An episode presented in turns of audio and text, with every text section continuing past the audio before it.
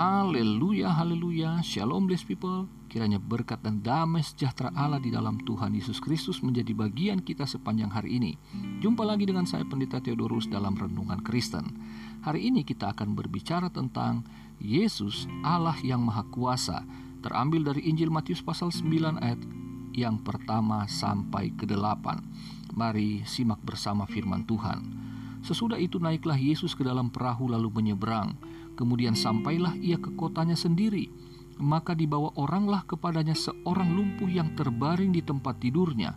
Ketika Yesus melihat iman mereka, berkatalah ia kepada orang lumpuh itu, "Percayalah, hai anakku, dosamu sudah diampuni."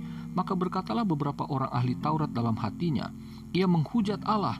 Tetapi Yesus mengetahui pikiran mereka, lalu berkata, "Mengapa kamu memikirkan hal-hal yang jahat di dalam hatimu?" Manakah lebih mudah mengatakan dosamu sudah diampuni atau mengatakan bangunlah dan berjalanlah? Tetapi supaya kamu tahu bahwa di dunia ini anak manusia berkuasa mengampuni dosa. Lalu berkatalah ia kepada orang lumpuh itu, Bangunlah, angkatlah tempat tidurmu dan pulanglah ke rumahmu. Dan orang itu pun bangun lalu pulang maka orang banyak yang melihat hal itu takut lalu memuliakan Allah yang telah memberikan kuasa sedemikian itu kepada manusia. Haleluya. Blessed people, Yesus mengatakan dua hal kepada orang lumpuh yang dibawa oleh teman-temannya. Yang pertama, percayalah, hai anakku, dosamu sudah diampuni. Ayat yang kedua. Yang kedua, poin yang kedua, bangunlah angkatlah tempat tidurmu dan pulanglah ke rumahmu. Ayat yang ke-6. Dengan demikian, blessed people, Yesus sedang mengatakan kepada kita semua apa yang dia lakukan adalah hal yang terpenting yang diterima oleh seorang manusia bahwa orang yang sakit lumpuh ini kasat matanya ia sakit secara fisik, tetapi Yesus dalam kasihnya yang luar biasa ketika melihat orang-orang yang datang seperti ini, ia melihat yang paling esensial yang harus diselesaikan adalah dosa manusia harus diampuni terlebih dahulu. Jadi Yesus menyelesaikan masalah utamanya, barulah kemudian orang itu disembuhkan dari sakitnya.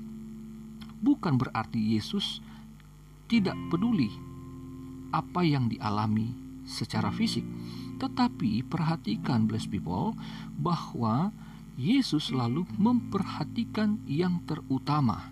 Bukan berarti kesembuhan tubuh tidak penting. Roh dan jiwa orang itulah yang menjadi keutamaan daripada pelayanan Yesus untuk diselamatkan. Kemudian tubuhnya ikut disembuhkan. Tubuh fisiknya juga diperhatikan oleh Yesus. Haleluya. Nah, bless people, bahwa kita kebanyakan ketika sakit kita lebih dahulu memohonkan kesembuhan fisik. Tetapi sesungguhnya adalah bagaimana kita harus ingat bahwa roh dan jiwa inilah yang dapat mengenali Allah dan kebenarannya, sehingga ketika kita datang kepada Tuhan adalah yang terpenting sebagai manusia. Kita harus mengakui dosa terlebih dahulu, sehingga Allah mengampuninya. Apa yang kita perbuat sengaja tidak sengaja, kita kan tidak tahu apakah hari ini atau kemarin saya telah berdosa kepada Tuhan sehingga kita perlu terlebih dahulu mengingat Tuhan. Jadi dengan memohon pengampunan berarti kita mengingat kepentingan yang utama adalah hubungan kita dengan Tuhan terlebih dahulu secara rohani. Lalu kemudian kita percaya bahwa Tuhan pun peduli dengan kesembuhan tubuh fisik kita. Dan itulah yang terjadi kepada orang lumpuh itu Karena dikatakan ia pun menjadi sembuh. Haleluya. Nah bless people Bukti bahwa Yesus adalah Allah yang maha kuasa. Yang pertama Yesus melihat iman dari si lumpuh dan teman-temannya. Jadi si penderita lumpuh ini punya iman dan teman-teman yang mengantarnya juga punya iman yang sama. Jadi, mereka rupanya telah mendengar perbuatan-perbuatan Yesus sebelumnya.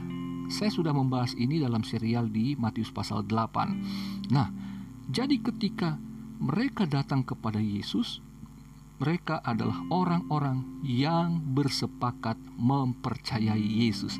Ingat bahwa di mana ada dua tiga orang yang bersepakat, maka mintalah apa saja.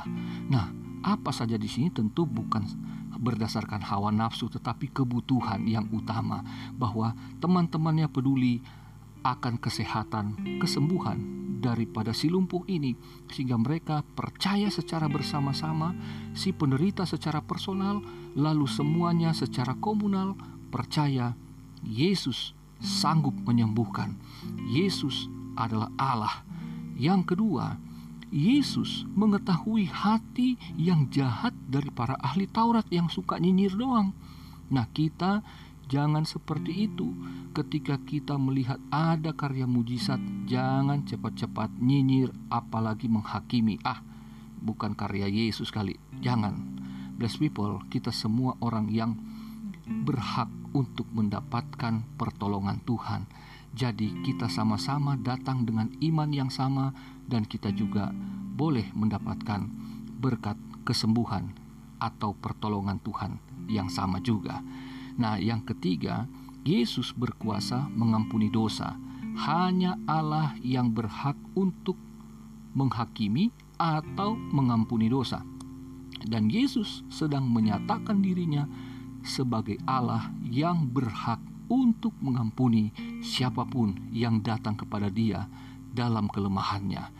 Allah yang berbelas kasihan atas umatnya, itulah Yesus Kristus. Yang keempat, Yesus berkuasa menyembuhkan penyakit hanya dengan perkataannya. Jadi ketika kita membaca firman Tuhan, itulah firman Yesus. Maka kita harus mengimaninya. Gak usah banyak mikir, gak usah tunggu semuanya masuk akal, tetapi saat kita mendengar, saat kita membaca firman Tuhan, percayalah, maka kuasa itu akan mengalir di dalam roh, jiwa, dan tubuh kita. Selamat beraktivitas, blessed people. Tuhan Yesus mengasihimu. Tuhan Yesus memberkatimu. Haleluya.